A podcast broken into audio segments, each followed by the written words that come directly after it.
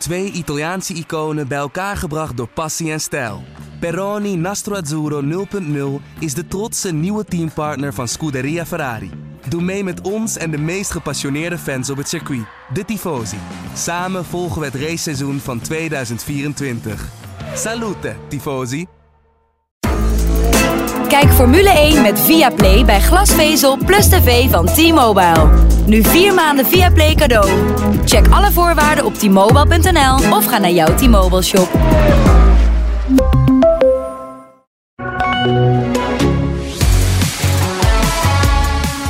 Ik, ik zat te bedenken, waar moeten wij deze eh Pitstop podcast gaan beginnen, Arjan Schouten? Want eh, we hadden heel positief kunnen gaan beginnen. We, hadden kunnen, we kunnen beginnen over kap- kapotte Red Bulls, Ferrari terug. We kunnen uitgebreid over jouw verjaardag gaan praten, wat je wilt. Maar, eh, maar waar moeten we beginnen? Want het was toch allemaal zo roze geur maneschijn, toch, voor, eh, voor Red Bull? Dat is het nog steeds wel een beetje, denk ik. Maar nu even niet. Oké. Eh, waar moet je beginnen? Ja, jeetje. Laten we beginnen bij het positieve. Ja, want alles wat ze beloofd hebben is uitgekomen. Een heel ander seizoen, een nieuw era. Ja, ik heb sowieso eh, eh, genoten van een nieuw era. De nieuwe era smaakt nu al naar meer. Dat kunnen we zeggen, denk ik. Dus ehm, ik heb eh, zeker drie, vier keer aan toe Max zien vechten met Leclerc. Nou, dat is natuurlijk een gevecht waar we nog wel 40 jaar mee vooruit kunnen, zou je zeggen. Ja. In het middenveld heb ik wat gevechten gezien. Eh, de voortekenen zijn prima. Eh, tegelijkertijd eh, was het niet helemaal de dag waar ze van gedroomd hebben bij Red Bull, maar daar komen we ongetwijfeld nog op. Ja. Maar laten we beginnen bij het positieve. Het was een mooie begin van een nieuw tijdperk. in een wereld waarin ze eigenlijk alles denken te kunnen voorspellen, dat we daar dus nog in verrast kunnen worden, dat is toch wel fantastisch, toch? In zo'n Formule 1 race. Waarin ben jij verrast dan? Nou, in hoe uiteindelijk McLaren voor de dag kwam, hoe eh, wagens eh, uiteindelijk. Oh, dat was slecht zeg. Ja, ja, maar hoe Mercedes het niet voor elkaar krijgt, ondanks al die testdagen, om die bumpy ride eruit te krijgen, dat purposing er helemaal uit te krijgen. Ja. Eh, Hoe Ja. Kevin Magnussen zonder enige Formule 1 ervaring afgelopen jaar in een auto stapt op het last minute en ineens naar plek 5 rijdt. Ja, leg mij maar uit hoe dat dan kan. Ja, het is niet uit te leggen. Het is niet uit te leggen. Ik, ik kan het wel proberen. Eh, en dan kan ik alleen maar zeggen, eh, dat is een team Haas eh, dat de afgelopen twee jaar eh, eigenlijk afgeschreven heeft. En daardoor wat sneller de focus op dit jaar kon leggen. Nou, dat kan je natuurlijk ook op Ferrari loslaten. Ehm, andersom kan je dat ook op Mercedes loslaten. Die hebben waarschijnlijk zoveel energie gestoken in de laatste maanden van vorig jaar dat ze nu misschien een beetje aan de backfoot zitten. Tegelijkertijd klopt dat dan weer niet helemaal bij Red Bull, die ook wel zo hun probleempjes hebben, maar daar was de snelheid er wel. Ehm, maar ik denk dat het allemaal wel een klein beetje met elkaar te maken heeft. We komen natuurlijk uit een nogal intens seizoen, wat voor sommige eh, teams lang niet zo intens was omdat ze niet meededen. En dat geeft ze wel voordeel aan de voorkant van dit seizoen, denk ik. Ja, nou ja, dat voordeel hebben we dus gezien. Want Ferrari eh, eh, staat juichend. Stonden ze, ik moest zeggen dat ik lang moest wachten voordat ik het volkslied van Monaco in mijn hoofd had zitten. Maar het leek een beetje alsof ik in de Efteling stond, zoals het klonk. Ik heb het niet gehoord. Is Nee? dat mooi? Nou, het was, het was echt zeg maar alsof je... Het was dan... Maar het had wel een beetje... eh, Je gaat het nog vaker horen, vrees ik. dit Carnaval. Festival? Bijna wel, ja. Maar eh, Ja? bij Ferrari kan de vreugde niet op natuurlijk na dit. Dit, dit, dit, dit pakken ze. Dit, hebben ze. dit hadden ze nodig, dit Ja, dingetje. dit, dit, is toch, dit is toch mooi. Ik, ik denk ook dat er helemaal niemand in die paddock is die je dit misgunt. Eh, Ferrari is een... eh, als ze te veel winnen, worden ze arrogant, worden ze heel vervelend, zijn ze niet te pruimen. Nou, sterker nog, daar hoeven ze er maar twee of drie voor te winnen. Dat hebben we in 2019 wel gezien. Wordt het een heel vervelend team. Maar als ze niet winnen, dan vindt ook niemand dat leuk. Het is, ze mogen best een tijdje verliezen, maar als ze dan maar wel weer boven komen drijven en weer gaan winnen. Want Formule 1 is Ferrari, Ferrari is Formule 1. Sebastian Vettel heeft dat ooit een keer gezegd. Als klein ventje droom je van rode auto's en die rode auto's zijn het snelste. En ik denk dat dat voor heel veel jongetjes zo werkt. En die dromen echt niet van een blauwe auto met een gele neus of een zilveren auto. Rood is die auto in je dromen. Ja, ja. Dus, eh, dat is mooi. Eh, maar laten we het toch maar even over Max hebben. Want ik denk dat de meeste mensen deze podcast ook luisteren. Wat, daar, wat er allemaal bij Max gebeurde. Eh, beschrijf Ja. de stemming. Maar zelfs bij- Max vond het mooi, hè? Ja, ja, dat zag ik ja. Hoe hij Leclerc ook feliciteerde, dat was gemeend ook, hè? Ja, ja, ja, ja, ja. ja. Maar die jongens die gaan al zo ver terug. Ja. En hij weet ook wel, Kijk, Leclerc heeft ooit een, een, route naar een topteam gekozen, wat een andere route was. En die heeft vooral uh, vier jaar lang moeten wachten, voordat hij, of drie jaar lang moeten wachten, voordat hij een keer in deze positie kwam. Dus Max, ondanks dat hij zelf niet zijn topdag had, kon hij ook wel genieten van het succes voor, voor zo'n jongen. Dat vond, dat vond ik wel mooi om te zien. Ja, om, omdat ze inderdaad die reis van het karten helemaal met elkaar hebben meegemaakt. En vroeger tegen elkaar ja. geraced hebben al als ventjes van, wat is het, 6, 7, 8 jaar, 9 jaar. Sainz ook natuurlijk. Hè. Die hebben samen bij Toro Rosso gevochten voor dat stoeltje bij Red Bull. Uh, Max heeft gewonnen. En toen moest Sainz via Renault en McLaren en naar Ferrari. Toen dacht iedereen, wat ga je bij Ferrari doen? McLaren was juist het team uh, in uh, opkomst. Maar uiteindelijk heeft hij toch goed gekozen. Dat hebben we vandaag alweer geleerd. Ja, wat, um, hoe was de stemming na afloop bij Red Bull? Ja, ja, ja. Onwennig. Onwennig is denk ik het goede woord. Je moet je voorstellen, uh, Max was zo gewend geraakt aan uh, de gang van zaken na een race. Weet je wel, top 3, dan ga je naar het podium. Uh, daarna ga je naar de persconferentie van de top 3. En die, die, ja, wij, wij, hebben dan natuurlijk te maken met de mediaafdeling van Red Bull. Die zijn daar ook helemaal op ingesteld. Dus al hun communicatie van tevoren is al helemaal ingesteld op... hij zit bij de beste drie. Dus hij gaat om 18 uur zoveel gaat hij daarheen. En om 19 uur 10 is hij bij jullie. En dan daar. Maar dat gaat dan allemaal op de schop. En dan moet de grote Max Verstappen, de wereldkampioen, die moet dan gewoon zijn rondje maken door de tv-pen. En dan ook nog even langs een uh, in alle haast neergezette mixzone tussen een paar palmbomen om met de geschreven pers te praten. En kwam die allemaal doen. En Christian Horner kwam er ook. Maar het is toch gewoon een beetje de, uh, ja, hoe moet je het zeggen? De, de grootmacht die even nou, van de wolk afgelazerd is. Daar komt het eigenlijk een beetje op neer.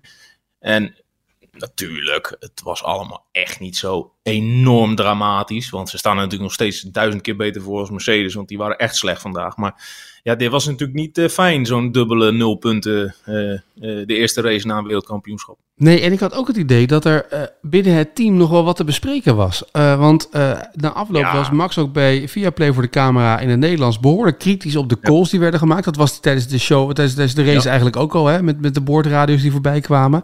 Het zat nog niet lekker. Nee, nee, ze waren aan de pitmuur heel voorzichtig. Want hij zag ook wel dat die Ferrari sneller was. Maar hij had elke keer één kans. Weet je, ze deden elke keer de undercut, eerder naar binnen. En dan heel hard gassen uh, op die nieuwe banden. En dan, ja, dan hopen dat je dat in dat ene rondje dat Ferrari moet reageren. Dat je voor hem, voor Leclerc, de, de pitmuur, de pitstraat uitkomt. Of hem net daarna pakt, zeg maar. Um, alleen waar Verstappen dat elke keer wilde doen, kreeg hij van zijn engineer elke keer de opdracht: rustig aan op dat nieuwe rubber, dat moet nog lang mee. Uh, en volgens mij heeft hij bij Viaplay iets gezegd van volgende keer ga ik gewoon weer op mijn gevoel af. Um, maar wij hebben aan hem gevraagd van, was je nou echt zo boos? Uh, maar dat, dat zwakt hij wel weer zelf af hoor, dat hij, dat hij wel vaker veel bozer is geweest. Het is alleen meer zo, op dat moment is hij niet helemaal eens met wat de pitmuur hem vertelt als opdracht.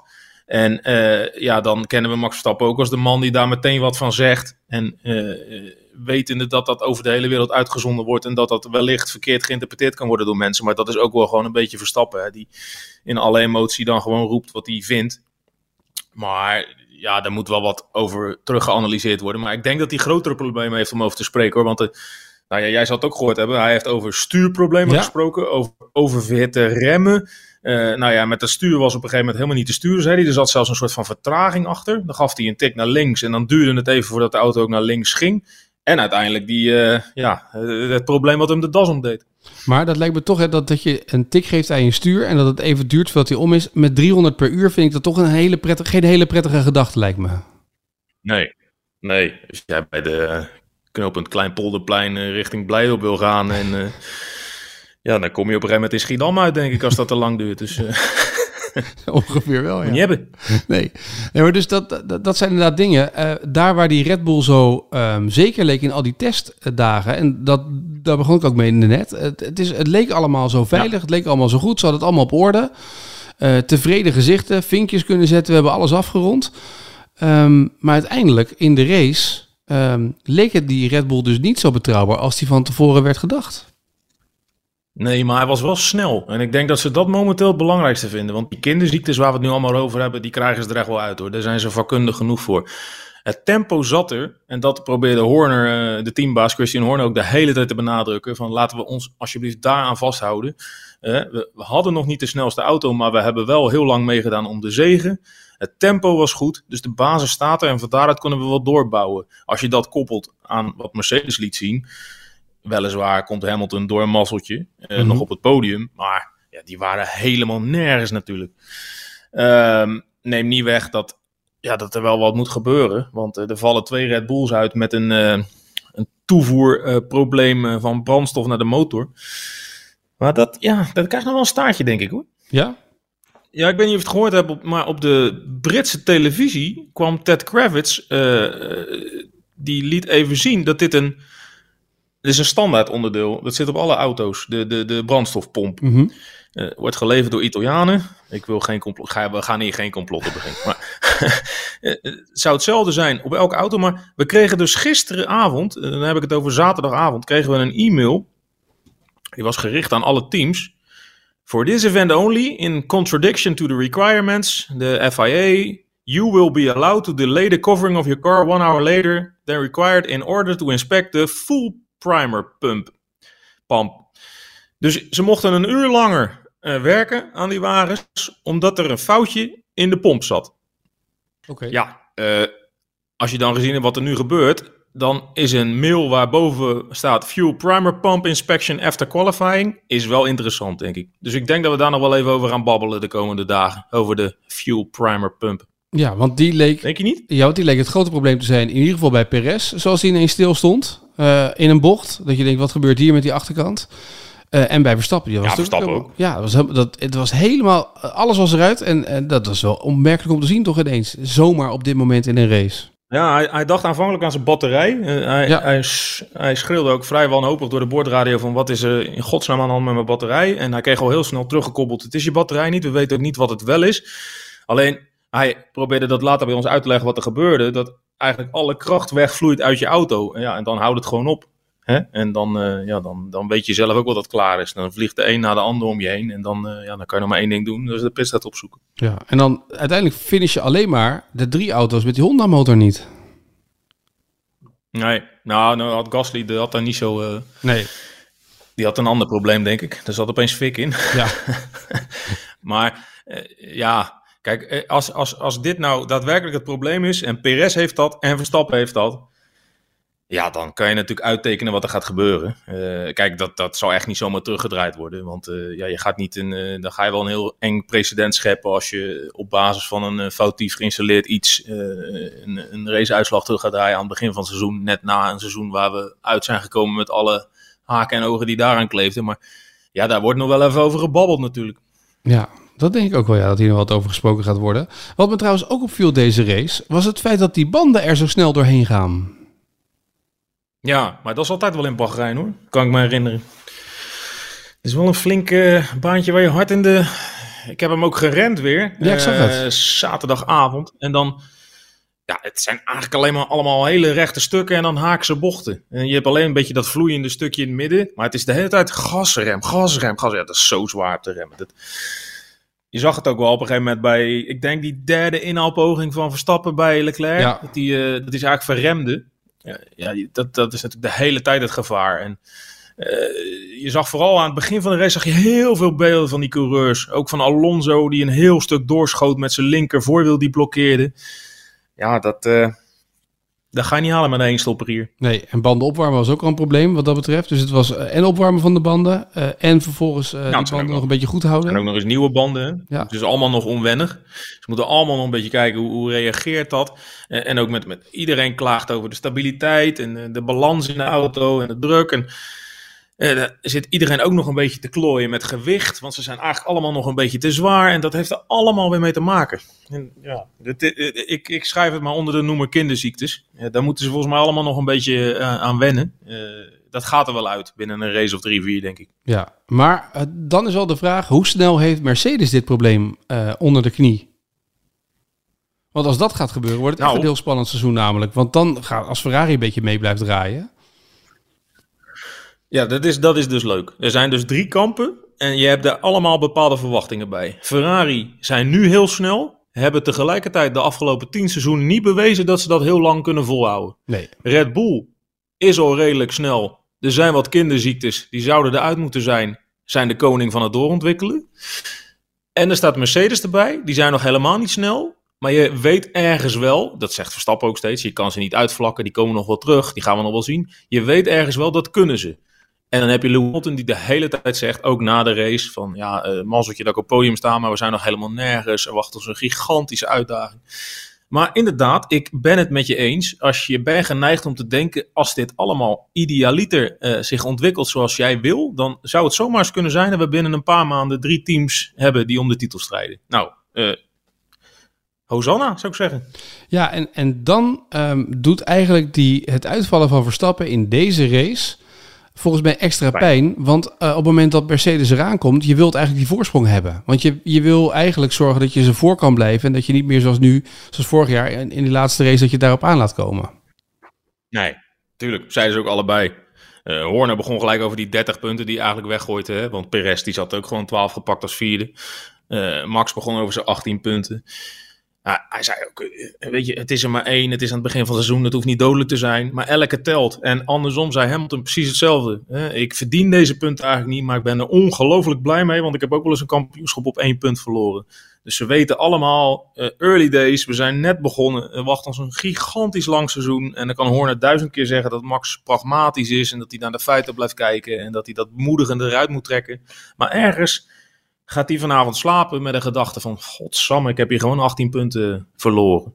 En dat snap ik. Dat is de sportman in hem. En die is helemaal niet meer bezig met die titel van drie maanden geleden. Die denkt alweer aan die volgende. Ja, want je ziet toch een beetje zoals je vorig jaar terugkijkt... waar je het dan, zo'n Silverstone, zo'n Baku... Weet je, de DNF, die wil je eigenlijk uitsluiten. Als je dan in ieder geval maar nog een paar punten pakt... als je vijfde wordt, dan heb je in ieder geval nog punten. Uh, maar helemaal geen punten halen is zo kostbaar op een gegeven moment. Ja, ja hij zei het ook. Hij zei, uh, het enige wat je altijd tegen jezelf zegt, punten pakken. En dat heeft hij de hele tijd uh, ook... Hij, hij, kreeg op een gegeven moment ook wel door dat hij, dat hij hier gewoon tweede ging worden. Leclerc ja. was te snel. Hij, heeft drie keer, hij is er drie keer langs gevlogen, werd drie keer weer gepareerd. Dacht even nog met die safety car, maar hij had zich er eigenlijk al bij neergelegd. En dan, dan denk je, als ik niet eerste kan worden, dan maar tweede worden. Want die punten, die zijn kostbaar. Maar dat je er dan nul pakt, ja, dat is natuurlijk... Uh, ja, toch een een klein drama. Al moet je voorzichtig zijn met dat woord, met alles wat er in de wereld speelt. Maar uh, voor nu is het gewoon een drama. Ja, maar als ik dan naar het schema kijk, hè, dan ga ik toch even een beetje met je uh, filosoferen. Ja. Uh, Mercedes is aan het ontwikkelen. Die is aan het kijken wat is hier mis, wat kunnen we weer aan doen, wat kunnen we afstemmen. Eigenlijk in het reisschema dat je hebt, nu heb je één week dat je nog daar in de woestijn zit. Je gaat naar Saudi-Arabië, daarna moet je naar Australië, ja. dan weer terug naar Europa. Uh, daar zit twee weken tussen. Maar goed, je moet ook nog vliegen, reizen en dat soort dingen. Dan weer door naar Amerika. En dan heb je pas echt de blokken in Europa. Je zou pas kunnen zeggen dat ze rond Spanje, Monaco misschien, dat ze daar een update pas kunnen hebben die, die zijn snelheid brengt en verder brengt in, in het circuit, in het seizoen. Maar ja, of, of analyseer je dat heel erg ik denk verkeerd? Dat je, ik denk dat je echt tot na Miami moet kijken voordat er echt uh, enorme significante stappen gemaakt worden. Dan zit je al half mei en dan inderdaad, dan krijg je dat blokje dat je Barcelona hebt en Monaco. En dan inderdaad, dan, uh, ja, Baku, dat is ook een soort Europa. Ga je even naar Canada, maar dan, dan komt die hele rits met Engeland en uh, Oostenrijk en Frankrijk. En, ja. dan, dan heb, je, heb je tijd, heb je logistiek de mogelijkheden. Um, maar ja, Saoedi bijvoorbeeld, ja, dat, dat is zondag al. Wat, wat kan je nou doen in die paar dagen? Dat, dat, is niet om te draaien. En ik, ik denk dat dan die problemen van, van Verstappen en Red Bull nog een stuk eenvoudiger te tackelen zijn. Maar bij, bij Mercedes zit er gewoon echt significant wat mis. En dat, ja, dat is geen lekker gevoel zo aan de voorkant van een nieuw seizoen. Nee. En toch ook weer verbazingwekkend hè? Voor, voor Lewis Hamilton en Toto Wolff die alles uit willen sluiten. Die altijd vooruit aan het denken zijn. Altijd bezig zijn met wat het jaar erop gaat gebeuren. Dat dit ze overkomt moet toch gek zijn. Ja, en tegelijkertijd, wij zijn natuurlijk een beetje gaan denken, uh, gaan geloven in hun onaantastbaarheid. Maar uh, er is nooit een team geweest in de historie van welke sport dan ook die, die alleen maar bleef winnen. Er moet een moment komen dat dat omdraait. Ja. En ja, misschien beleven we dat nu wel. Hè? Is het gewoon een soort van historie waar we naar zitten te kijken? En hebben we dat nog niet helemaal door? Een soort kentering. Zou wel goed passen bij het nieuwe tijdperk. Tegelijkertijd eh, misschien winnen ze over drie, vier races alles alweer. En dan krijg ik deze, eh, Ja. dit, dit, dit fragmentje wat ik net uitspreek eh, om mijn oren terug van jou. Maar ja, goed, dat is dan maar zo. Ja, precies. Ehm, eh, hoe was de afloop eigenlijk de sfeer van deze eerste race, het eerste weekend? Wat ben ik wel benieuwd naar. Jij loopt dan inderdaad o- door, over de paddock, je, je hoort die verhalen aan, je kijkt de collega journalisten aan. Wat was de algehele mening na- van iedereen na het eerste weekend? Ja, iedereen maakt eigenlijk een beetje dezelfde grap. Hè? Want eh, kijk, de, Formule 1 is heel erg bezig met nieuw era communiceren. Vinden ze heel leuk. Dat, je ziet het werkelijk. Nou, je hebt hier een snelweg van Manama naar het circuit. Die is 35 kilometer lang. Om de 500 meter hangt een bord. Formule 1, nieuw era. Ik heb het allemaal gehoord. Nieuw start. Een nieuw lifetime. Een nieuw generation of cars. Eh, ja, daar ga je dan heel lang om lachen. Maar als je dan. Want het wordt een beetje potsierlijk als je dat eh, elke vijf minuten ergens voor je neus krijgt. Maar ja, als je dan na zo'n weekend opeens twee rode auto's op 1 en 2 ziet staan voor het eerst in 2,5 jaar tijd, hè, dan voelt dat ook wel een soort van nieuw. Ja. Ja, als een soort van eh, frisse wind in de woestijn. Eh, maar ja, de vraag is natuurlijk een beetje, houden ze dat vol? Maar de, de, de, de, de tendens na afloop was wel van, wat hebben we nou gezien vandaag? Het was best wel leuk eh, met die gevechten. Leclerc Verstappen vooraan, natuurlijk twee jongens waar je, waar je weer jarenlang mee... eh, eens een keer niet, eh, niet, eh, niet die Mercedes'en die de dienst uitmaken. Eh, daar komt nog eens bij, dit, ja, Haas liet natuurlijk weer de mooie dingen zien. Aston, of, eh, Alfa Romeo was ook goed. Kevin Magnussen natuurlijk, Magnussen natuurlijk een leuk ventje. Die loopt dan door die paddock. Die loopt te stralen als een, eh, als een jongetje in een snoepwinkel. Zijn vrouw die loopt er dan achteraan met een babytje. het, het, het, het komt dan weer allemaal zo... eh, het is allemaal weer zo klein, hè. Zo'n familieteam die dan opeens ook weer iets kan in de Formule 1. En we hebben allemaal Haas zien ploeteren in die Netflix-documentaires ook. En ja, dat dan zo'n team even boven komt drijven, ja, dat is best wel gaaf natuurlijk. ja. Hoe zou Nikita Mazepin hebben gekeken naar deze race, vroeg ik me gelijk af. Ja, niet hoop ik voor hem, want eh, ja, die is huilend naar bed gegaan, denk ik. Ja. Niet leuk. Dat denk ik ook, ja. ja. En het had alles in zich, hè. Het had strijd in zich. Het had, de- deze race, dit raceweekend had alles in zich waarvan je dacht, als je Formule 1 wilt kijken, en zeker met het einde, eh, met Verstappen die stilvalt, met Perez die, eh, die stilvalt. Ja, dat, dat maakt de sport ook wel weer mooi, toch? Dat dat soort dingen in de laatste minuten allemaal gebeuren. Maar weet je wat nou het mooiste is van dit hele weekend, Nou? Etienne? Dat jij mij nu al 23 minuten geen vraag hebt gesteld over dat VIA-rapport, rapport wat zaterdagavond Nee, da- 46 dat is minuten voor de kwalificatie eh, naar buiten kwam. Dat is het geluk dat ze natuurlijk hebben gehad door dit weekend. Kijk, als het een heel saai raceweekend was, gewas, was geweest, dan had niemand hierover begonnen natuurlijk.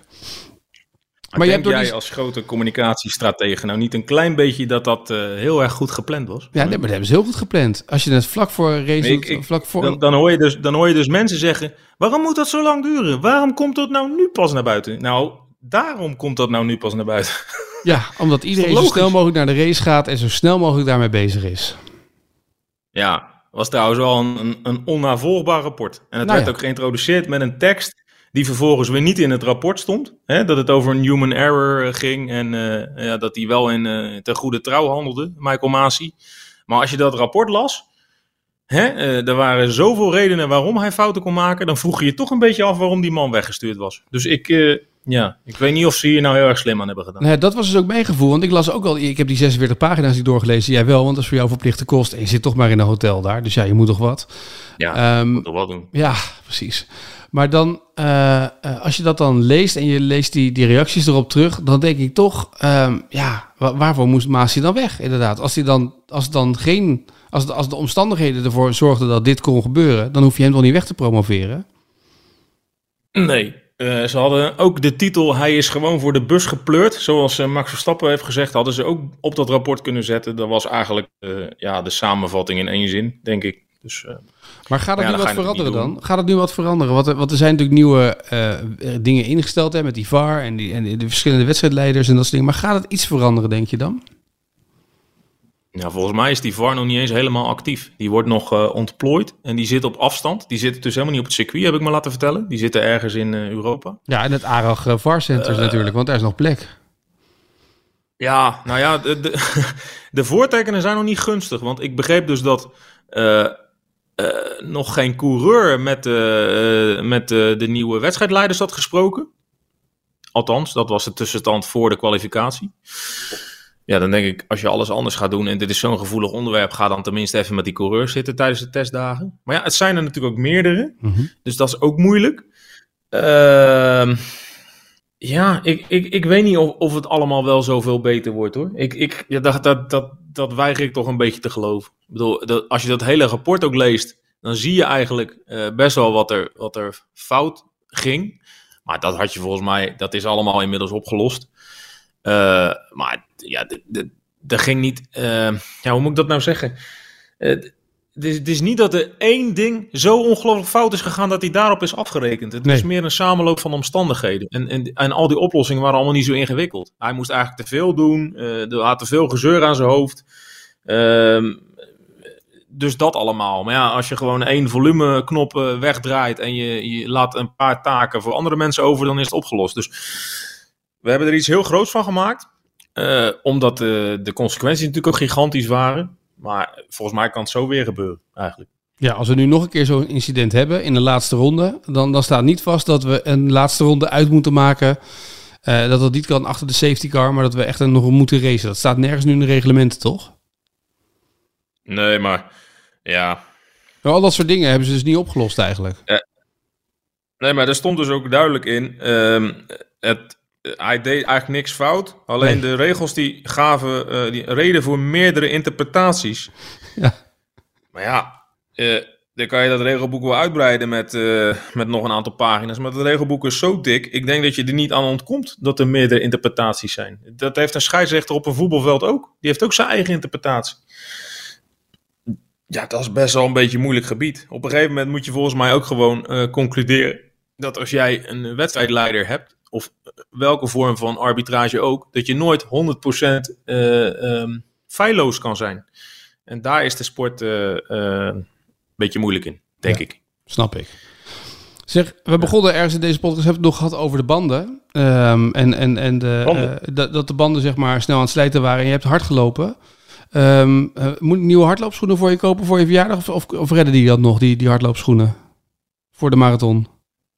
Nou, ik heb twee rondjes gedaan eh, in Bahrein. En ze ging best hard. Eh, maar ja, mijn zolen zijn wel een beetje versleten. Maar ja, ik heb weinig de curbstones opgezocht. Dus ik denk dat het allemaal goed komt. Ja, drie het? weken, hè, dan is eh, Rotterdam. Dus ik denk dat ik dat wel haal. Ja. Ja, als je het niet redt, moet je het zeggen. Hè? Want dan hebben we nog een week om, om even met de collega's van Pacer nog even te bellen. Dan bel ik Brommert op. Dan zeg ik op die Brommert naar, naar Schouten. Nieuwe schoenen regelen. Doe ik voor je, voor je verjaardag. Ja, maar ik heb, ik heb bij Brommert al zoveel korting gekregen dat ik hem niet meer zoveel durf te vragen eigenlijk. Nee, daarom vroeg ik het ook voor je. Dan regel ik het wel voor je. Dan is het aardiger, hè? Doe jij het maar dan.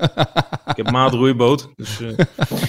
Goed. Nee joh, we gaan in Saudi-Arabië nog een rondje lopen. Eh, woensdag eh, vliegen we er naartoe.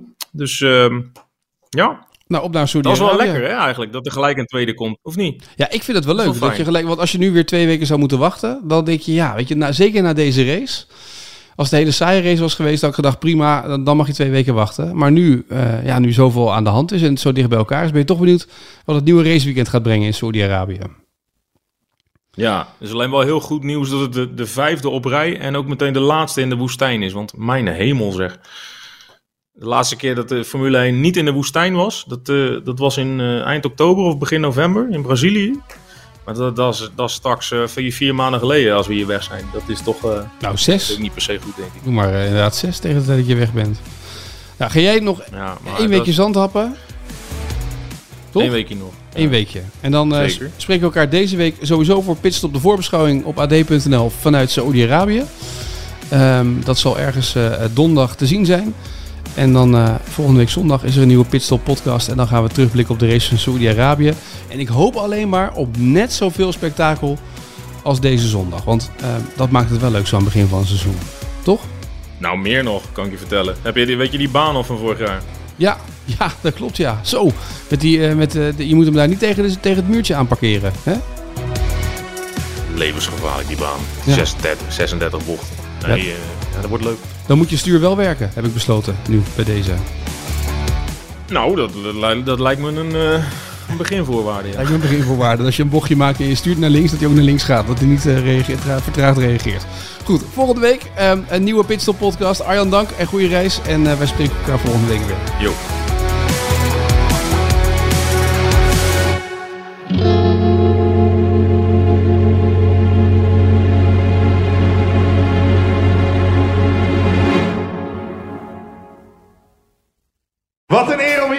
Ik, uh, ik, ben heel vaak nerveus geweest. Ik heb mezelf heel vaak opgeblazen. Om het maar zo goed mogelijk te doen. Vanuit toch heel veel onzekerheid. Nou, als ik dat nu terugzie, dan uh, kan ik niet naar kijken. Dat stuurt elkaar dan op uh, naar, naar, naar, een heel bijzonder moment. En, en, en, tot op de dag van vandaag krijg ik er kippenvel van. 30 jaar bluff. Over de dam. De verhalen die je nog niet kent. Aan de hand van 10 songs. En de Dit is de podcast 30 jaar bluff. Waaraan we verdwijnen. Met Peter, Bas, Norman en Pascal. Nu in elke podcast-app. Twee Italiaanse iconen bij elkaar gebracht door passie en stijl. Peroni Nastro Azzurro 0.0 is de trotse nieuwe teampartner van Scuderia Ferrari. Doe mee met ons en de meest gepassioneerde fans op het circuit, de Tifosi. Samen volgen we het raceseizoen van 2024.